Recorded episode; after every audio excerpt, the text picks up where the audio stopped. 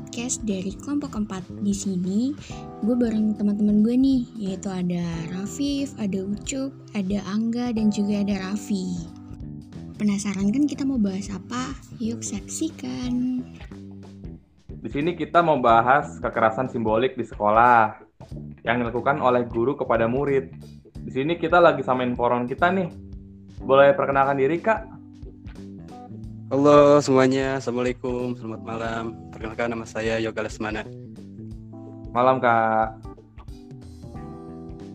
Selamat malam. Mungkin bisa langsung diceritain Kak kekerasan yang dialami oleh Kakak? Ya, mengenai kekerasan simbolik ya yang terjadi di dunia pendidikan.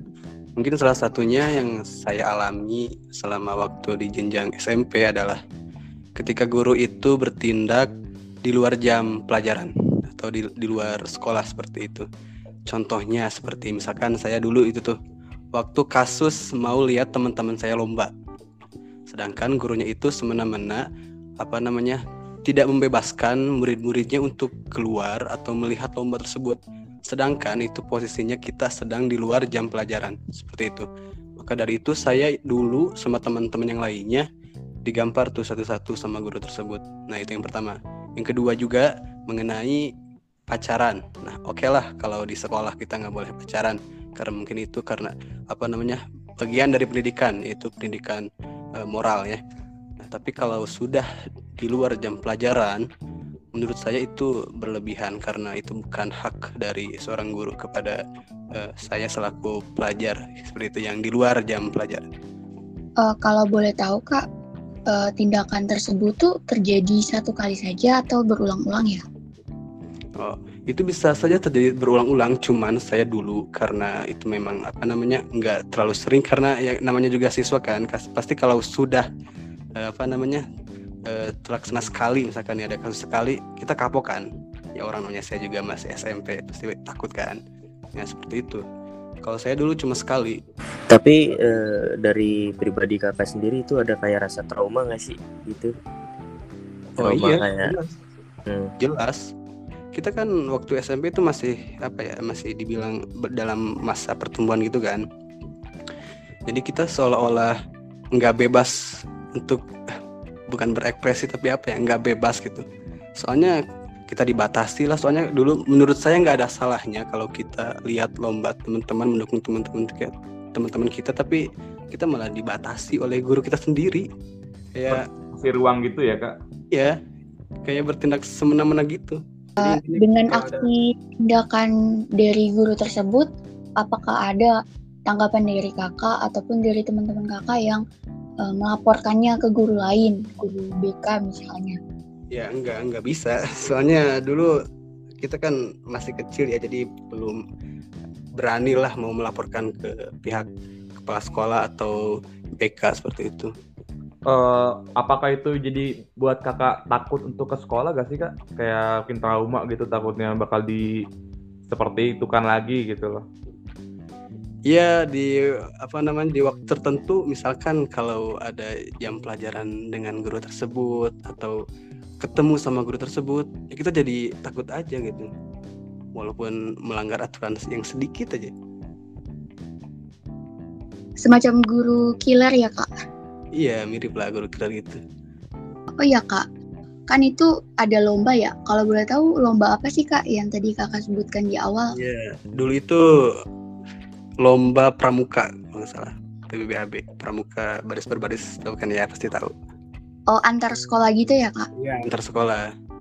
Ya kita kan itu yang ikut lomba kan teman-teman kita kan, jadi kita ya nggak mungkin nggak lihat di supporter lah. Berarti nggak dukung teman-teman kita yang di sana, lihat juga gitu perkembangannya apa dari awal tuh eh, nggak uh, ada himbauan gitu kak? Uh, sebenarnya nggak boleh ditonton apa gimana gitu? Apa yang sama sekali nggak ada himbauan untuk kayak seperti itu tiba-tiba main asal mungkin ditampar lah diapain ya, gitu? justru karena itu kan dari sekolahnya sendiri nggak ada peraturan buat kita dilarang. Ya nggak ada kan?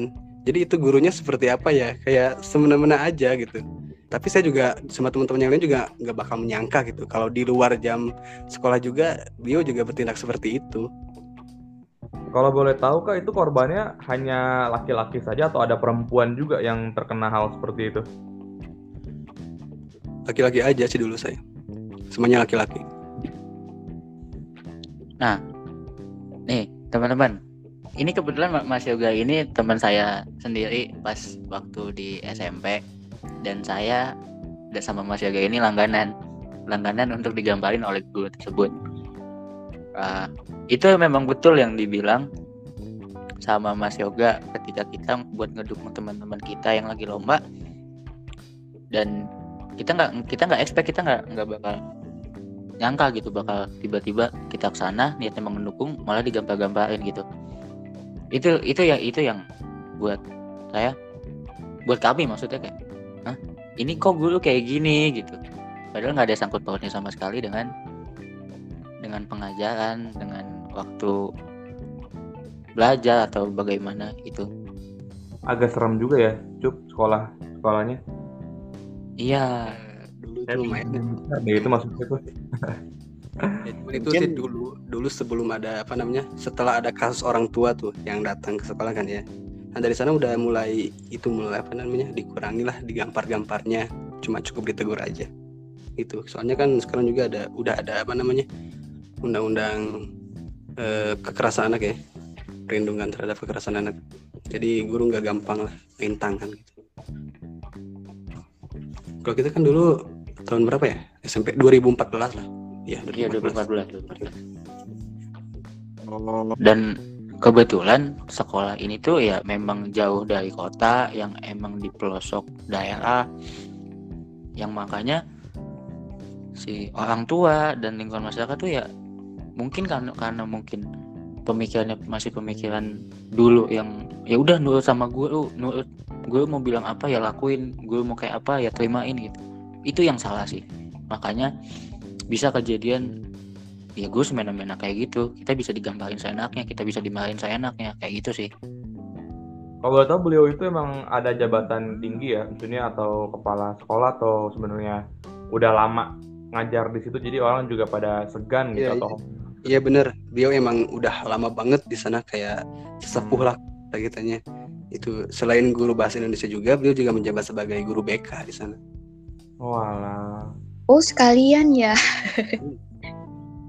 iya jadi gue itu emang dari awal kalau nggak salah itu dari awal sekolah itu terbentuk di- Eh, selain kekerasan yang dilakukan secara fisik, apakah pernah eh, secara verbal gitu ke anak-anak? Ya ada, ada. Kalau misalkan itu apa namanya, kalau anaknya itu melanggar peraturannya kembali lagi. Ya dia beliau maksudnya bahasanya emang kasar banget. Ya orang main tangan pastilah. Ucapannya juga pedes kan. Jadi bisa dibilang ini kekerasan simbolik atas kekuasaan sih. Iya nggak iya, sih? iya, iya bener. Kekuasaan yang Mantap, terjadi di sekolah eh, antara guru dan murid ya teman-teman. Guru dan siswa. ya. Jadi ibarat eh, kasarnya gini mentang-mentang dia udah lama udah senior lah jadi semena-mena gitu. Iya, ini terkait bisa- sih sama terkait sih sama ini perspektif menurut Berdil kekerasan berada dalam lingkup kekuasaan. Jadi hal tersebut tuh berarti kekerasan merupakan pangkal atau hasil sebuah praktik kekuasaan. Ketika sebuah kelas mendominasi kelas yang lain, maka di dalam proses tersebut akan menghasilkan sebuah kekerasan. kali buat Rafif. Oh ya, eh, kalau untuk kakaknya sendiri sebelumnya eh, udah paham belum sih atau udah pernah dengar gitu mengenai kekerasan simbolik? Belum sih kalau lebih khusus ke kekerasan simbolik. Pernah denger juga.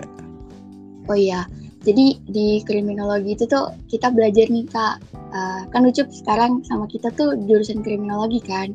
Nah kita tuh belajar mengenai kekerasan simbolik. Jadi kekerasan simbolik itu tuh sebuah praktik dominasi seperti yang dikatakan oleh Rafif.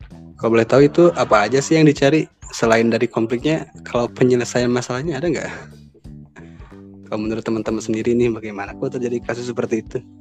Jadi kekerasan simbolik ini eh, belum banyak diketahui oleh orang. Jadi masih masih awam lah istilahnya. Oke.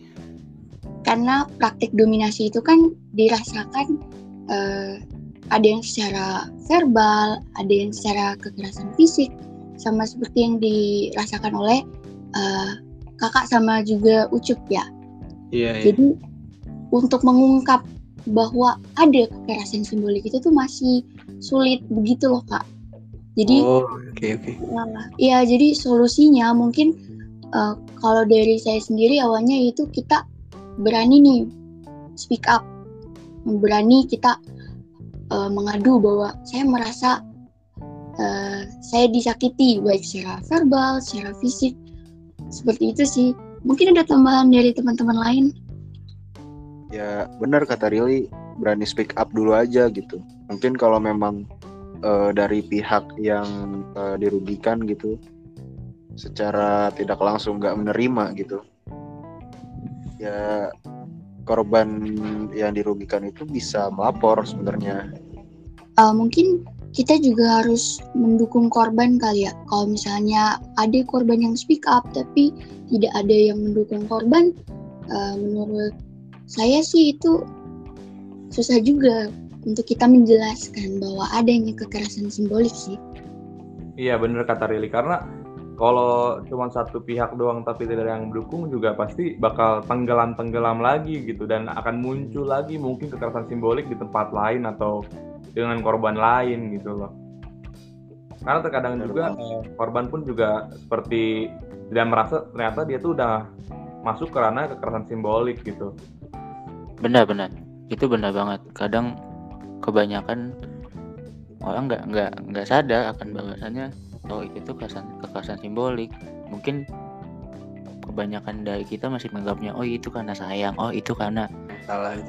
iya kita yang salah gitu. Kita nggak nggak berpikir bahwa oh itu tuh kekerasan gitu. Kita masih ma- masih menganut paham yang yang zaman dulu yang ya kayak gitu. Apa pun ya kita tuh nurut apa pun kita nggak boleh nyalain yang lebih tua kita harus sopan yang sama lebih tua kayak gitu kita kalau tidak ada peng- pengetahuan tentang kekerasan simbolik sih ya nggak bakal sadar akan hal itu sih Ya bener banget tuh Cuk. Um, by the way, gue pengen nanya nih. Pasti itu menjadi kenangan yang membekas gak sih? Kayak dipukulin Iya, bareng-bareng gitu. kenangan Kenangan kenangan banget. kenangan banget eh, sekarang masih dendam nggak? Ya enggak lah. Justru itu kayak apa ya? Ya apa namanya jadi kenangan yang nggak bisa terlupakan gitu ya. Ada cerita gitu kan Iya. balik waktu SMP. ada cerita Kalau nggak ada itu kayaknya nggak ada cerita. Ah, ah. Maksudnya gitu aja mah nggak. tapi setelah Waduh. setelah setelah gue pribadi tahu gitu itu tuh kekerasan akhirnya sadar gitu gue malah jadi kesal sendiri gitu kalau inget inget ke apa ke apa eh, kejadian itu gitu Iya, jadiin pelajaran aja mungkin ya. Jadi ketika kita punya anak nanti nggak boleh kekerasan gitu, nggak boleh di ditongolin gitu ke anak-anak kita nanti. Apalagi kalau misalnya kita jadi guru atau jadi orang tua, iya jangan lah. Iya jangan sampai eh, Udah udah ditamengin juga kan sama undang-undang perlindungan anak. Ya bener Pip. Karena emang jangan sampai kita nurunin yang perilaku-perilaku buruk orang-orang dulu ke anak-anak kita gitu. Kasihan juga kan kalau mereka mengalami juga gitu. Benar. Nih, makasih banget nih udah share pengalamannya. Yang punya sama-sama, pengalaman dipukulin dulu. Makasih banget ya. Terima Kak. kasih kak Iya. udah mau diskusi bareng. Teman-teman. Salam sehat ya, terima kasih. Sekian dari eh, kami. Mohon maaf jika ada salah-salah kata yang telah kami ucapkan. Semoga nanti jadi pelajaran juga untuk kami. Semoga kita berdoa udah nggak ada lah ya. Semoga ya hal-hal yang kayak gini gitu loh. Amin. Mudah-mudahan. Terima kasih sudah mendengarkan podcast kami. Sampai jumpa di episode selanjutnya.